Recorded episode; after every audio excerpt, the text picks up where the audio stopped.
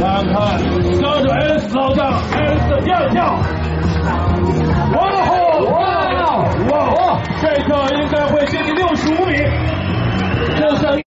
here in the knee for a very, very special experience. All of us are taking wonderful memories back home, and we do hope that this will not be our last visit to your beautiful city. Thank you.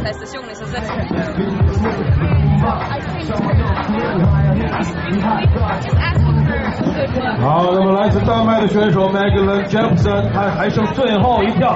看看能不能够超过他的最好的成绩四十六点五。